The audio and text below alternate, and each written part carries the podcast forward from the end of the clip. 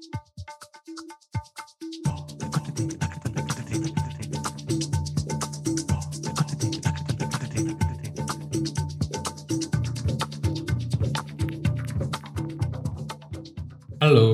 terima kasih sudah berkunjung ke Museum Macan.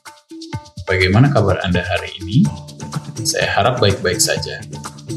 Mengingat pandemi yang kita hadapi sejak dua tahun lalu, dan masih berlanjut hingga detik ini yang menempatkan kita semua dalam situasi yang penuh dengan ketidakpastian, tidak apa untuk rehat dan berhenti sejenak.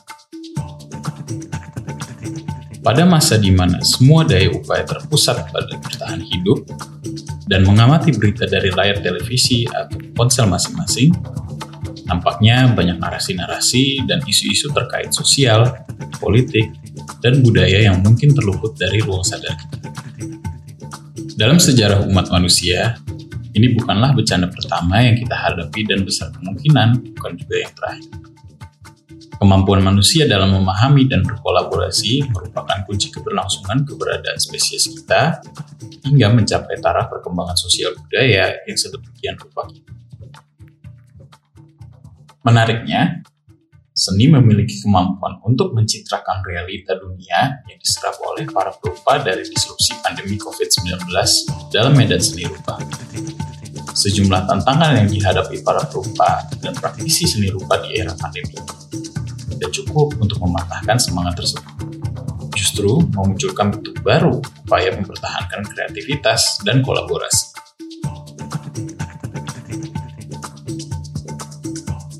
Dalam konteks Indonesia, di mana akses teknologi dan geografi menimbulkan hambatan untuk berpartisipasi, kolaborasi organisasi adalah salah satu cara untuk mengatasi keterbatasan ini. Saya Deva, dan hari ini saya menemani Anda untuk menelisik lebih dalam karya-karya yang ada di pameran Present Continuous sekarang seterusnya. Sebuah pameran hasil kolaborasi bersama lima mitra institusi dan kolektif dari sejumlah daerah di Indonesia. Mari berkelana sejenak ke masa lalu. Saat itu, tahun 2020, dunia mulai bergolak karena pandemi dan terfokus pada persoalan yang sama. Berapa banyak isu, berita, informasi di luar pandemi yang Anda ingat dari periode tersebut. Satu tahun setelahnya, barulah kami dapat memulai pengerjaan proyek pameran ini. Selama proses berjalan, kami bertemu dengan kawan-kawan dari lima daerah yang akhirnya membantu kami sebagai co-kurator. Mereka adalah Putra Hidayatullah dari Loka, Banda Aceh, Rizky Lazuardi dari Indeks Bandung, Anwar Jimpe Rahman dari Makassar Bienal, Elia Nurvista dari Bienal Jogja, dan Ari Syarifuddin dari Jatiwangi Art Factory Majalengka. Bersama dengan para kokurator ini, hadir pula empat perupa dan dua kolektif seni yang menciptakan karya baru untuk respon gagasan pameran ini. Antara lain, Arifah Safura dan DJ Rencong dari Aceh, Mira Rizky dari Bandung, Muhlis Lugis dari Makassar, Udeido Kolektif dari Jayapura, Unik Pelaksana Terakota Daerah atau PTD dari Majalengka. Meskipun dalam prosesnya kami dihadapkan dengan beragam limitasi yang muncul karena pandemi, hal yang sama justru menjadi pendorong untuk membayangkan cara-cara baru untuk berkolaborasi dalam perancangan pameran Present Continuous sekarang seterusnya Melalui pameran dan berbagai program publik yang kami bangun bersama, kami berusaha mengeksplorasi bagaimana kawan-kawan berupa, respon, menavigasi, serta merepresentasikan situasi politik dan budaya di daerah masing-masing. Present Continuous sekarang seterusnya merupakan upaya musik macan, kawan-kawan kokurator, dan berupa peserta dalam menilik dan membaca ulang medan seni rupa kontemporer di Indonesia serta membuka dialog yang dapat menyuarakan beragam perspektif, juga praktik-praktik seni rupa yang tersebar di Indonesia melalui riset dan tetap aktual dengan isu-isu terkini yang sedang terjadi di luar sana. Melalui pameran ini, kami ingin membagikan pengalaman tersebut dengan Anda. Silakan menghadap ke kiri dan berjalan maju sedikit Anda akan menemukan karya dari kolektif perupa asal Jayapura, kolektif Udeido di sebelah kiri. Mari masuk. Anda boleh mengelilingi karya Trimatra di tengah dan melihat mural sembari saya berbicara. Bagian ini merupakan lokasi karya kolektif Udeido yang dibentuk pada akhir tahun 2018. Kolektif Udeido beranggotakan Andre Takimai, Betty Adi, Konstantinus Raharusun, Dikita Kendare, Michael Yan Davis, Nelson Natkime, dan Yanto Gombo. Setiap anggota kolektif UDIDO memiliki fokus kekaryaan mereka masing-masing secara ketemaan dan medium. Khusus untuk pameran Present Continuous sekarang seterusnya di Museum Macan, anggota kolektif UDIDO bersama-sama menciptakan karya instalasi di tengah ini yang berjudul The Korean Transformation atau Transformasi Korea. Anda dapat melihat kekhasan setiap anggota kolektif UDIDO dalam Korea Transformation ini.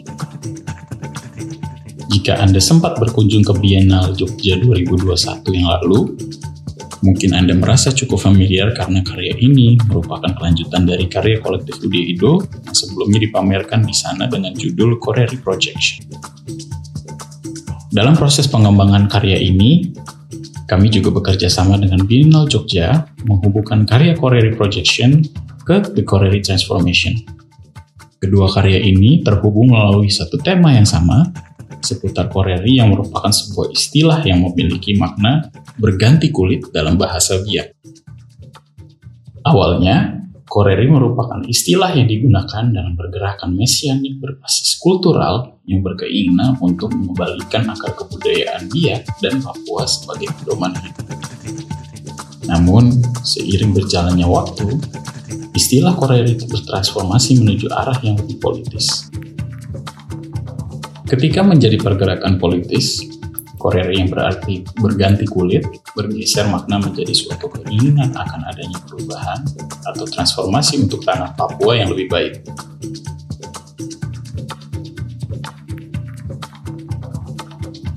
Dalam interpretasi kolektif Udi itu sendiri, Korea diartikan sebagai suatu kondisi atau fase yang didambakan, di mana tercipta suatu kedamaian, kemakmuran, tanpa konflik maupun represi. Jika kita memperhatikan karya yang ada di ruangan ini, ada dua elemen yang bisa kita lihat. Instalasi totem yang ada di tengah ruangan dan mural yang mengelilinginya. Totem ini dibuat secara kolektif oleh masing-masing anggota kolektif UDEDO, di mana setiap anggota menyumbangkan pemikiran dan interpretasi mereka untuk elemen-elemen di dalamnya. dikerjakan berdua oleh Yanto Gombo dan Digita Kendare, mural yang mengelilingi instalasi ini mencoba menggambarkan perjalanan orang-orang Papua menuju Korea. Bagian mural yang berwarna merah menggambarkan sejumlah memori dan kejadian yang pernah terjadi di tanah Papua, sekaligus interpretasi perupa akan memori tersebut. Di bawahnya dapat kita lihat figur-figur berwarna biru yang mengenakan pakaian adat dari beragam suku yang ada di Papua berjalan menuju suatu titik di tengah ruangan. Di tengahnya, terdapat gambaran simbol matahari dengan sesosok bayi berwarna hijau. Simbol ini merepresentasikan sebuah harapan akan kelahiran kembali, perubahan menuju suatu yang baru dan lebih baik, Hal yang sama juga turut direpresentasikan oleh patung bayi emas yang terdapat pada totem.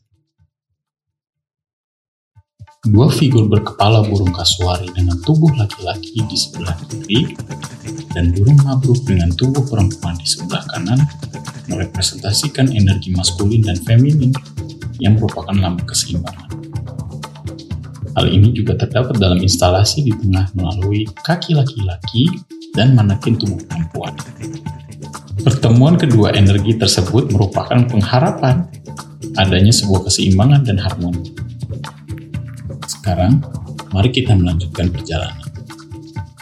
Jika Anda keluar dari The Transformation, karya kolektif Udi Idul dan berjalan lurus ke tengah galeri, di sebelah kiri Anda akan ada ruang kecil.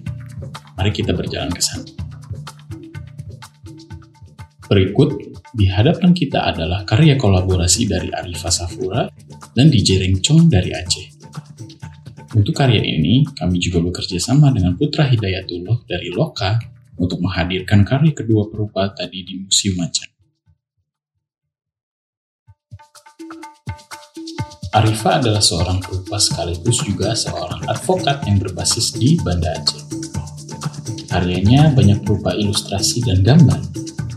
Ia juga menggambarkan ketertarikannya terhadap seni jalanan atau street art melalui penggarapan gambar kepal, khususnya stensil. Karya-karya Arifah Safura mencerminkan ketertarikannya pada pengalaman komunitas saat mengalami perubahan kondisi sosial politik di Indonesia, khususnya di Banda Aceh. DJ Rencong sendiri merupakan seorang disc jockey dari Banda Aceh. Memulai karir musiknya pada tahun 2001 bersama grup hip hop bernama Angkatan Udara. Karya Dancing Shadow merupakan sebuah instalasi yang terdiri dari dua buah televisi dengan layar tabung sinar katode yang dimodifikasi dan menampilkan panel lukisan karya Arifa. Biasanya, karya yang dipamerkan tidak boleh disentuh. Namun, karya Arifa Safura dan DJ Rencong ini merupakan karya interaktif dan pengunjung diperbolehkan untuk memutar tuas yang ada di samping kanan. Jika Anda ingin mencobanya, silakan. Tapi ingat, hanya tuasnya saja ya. Panel-panel tersebut memiliki tiga gambar berbeda. Sebagian gambar memperlihatkan potret, pisau, dan sosok tubuh perempuan. Dalam sebagian panel tampak inskripsi dari Kuti Dieng yang merupakan mantra purbakala dari masa pra-Islam di Banda Aceh yang ditulis dengan aksara Jawi dalam bahasa Melayu. Dalam karya ini, DJ Rencong juga memenuhi ruang instalasi dengan komposisi musik yang menggabungkan potongan klip yang diambil dari film dan rekaman piringan hitam tua, serta rekaman percakapan. Karya Dancing Shadow ini berbicara mengenai memori kolektif dan narasi mengenai trauma yang muncul dalam konteks politik, sosial, dan lingkungan yang kompleks di Banda Aceh selama kurun waktu 40 tahun ke belakang. Kolaborasi Arifah Safura dan DJ Rencong memperlihatkan bagaimana tindakan-tindakan di masa lalu tidak sekedar hilang begitu saja. Namun, nyatanya berdampak pada hidup manusia sekarang dan seterusnya.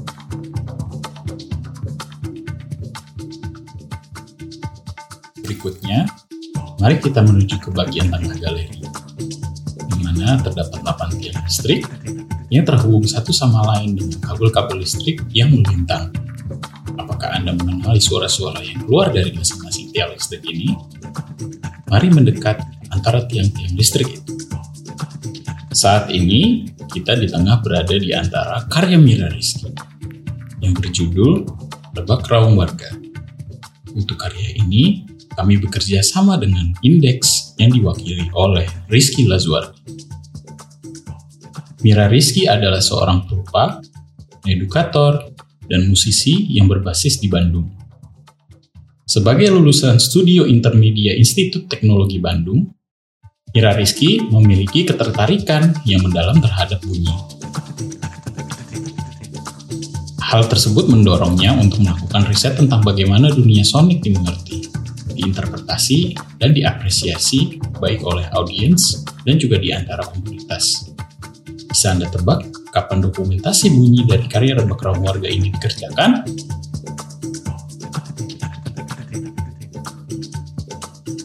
Semua bunyi yang Anda dengar saat ini direkam selama masa PPKM kemarin di Kecamatan Regol, Bandung. Secara spesifik, riset untuk karya rebak raung warga meneliti perihal konsep komunitas berpagar atau gated community yang umumnya diasosiasikan dengan masyarakat kelas menengah ke atas, yang umumnya terlihat di kompleks perumahan dengan gerbang berportal.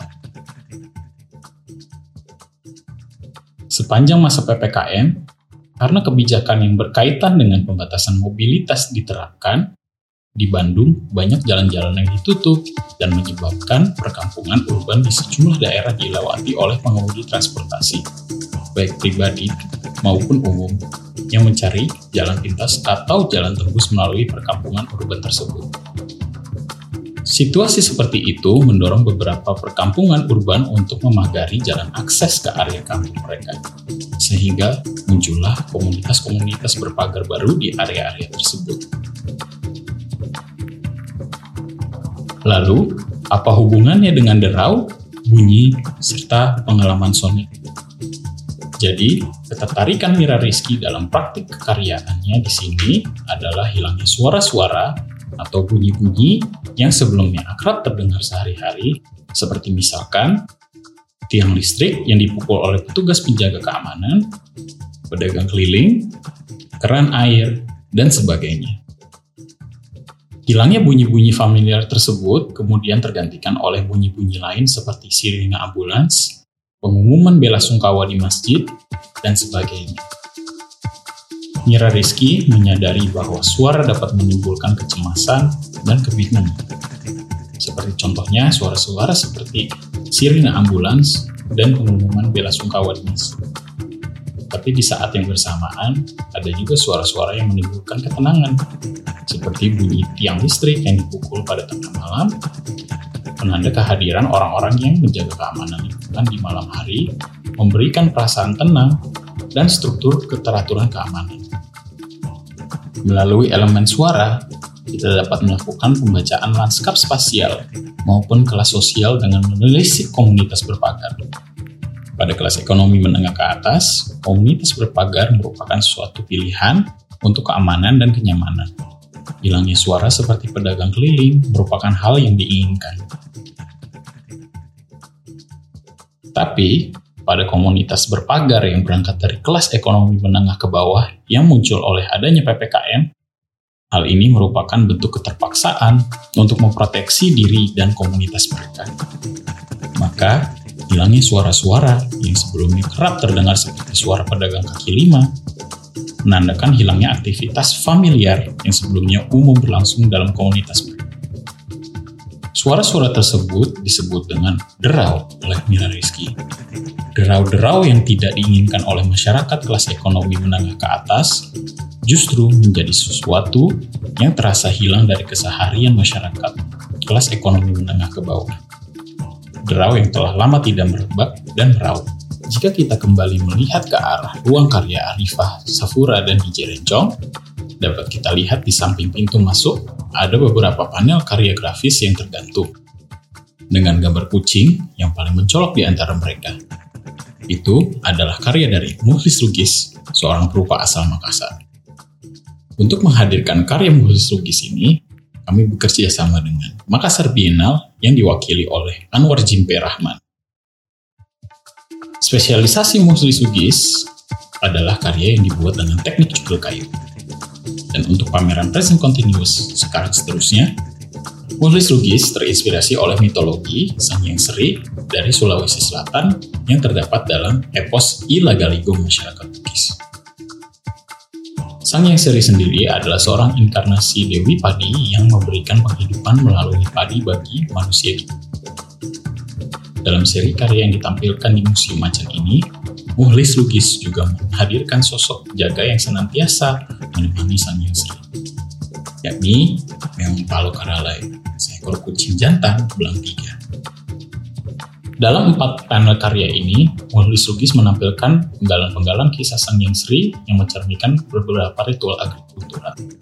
Utamanya budidaya padi yang dahulu dijalankan oleh masyarakat Bugis saat menjelang menunggu dan panen padi yang merupakan bentuk pengharapan akan panen padi yang baik, melimpah, dan bermanfaat bagi semua. Kini, tradisi dan prosesi tersebut sudah hampir tidak pernah dipraktikkan lagi tengah perkembangan masyarakat yang berproses yang serba cepat demi memenuhi kebutuhan yang selalu tidak pernah tercukupkan. Karya ini merupakan suatu ajakan untuk berhenti sejenak dan memproses semuanya. Ketergesa-gesaan merupakan hal yang menyebabkan kita kehilangan tradisi-tradisi yang berakar pada pengetahuan lokal, juga menjauhkan kita dari alam dan semesta. yang bernilai positif namun hilang tergerus zaman dan pergeseran nilai oleh karena gaya hidup yang menuntut untuk kita menjadi serba cepat. Mari kita coba berhenti dan mengatur nafas sejenak. Sembari mengamati karya Muhli Sugis yang berada di depan kita ini, melihatnya dari dekat dan dari jauh juga bisa memberikan Anda perspektif berbeda yang menyenangkan loh. Anda boleh memencet tombol pause, dan bila sudah siap silahkan memencet tombol play, dan saya akan mengajak Anda menuju karya terakhir dalam pameran Present Continuous sekarang seterusnya.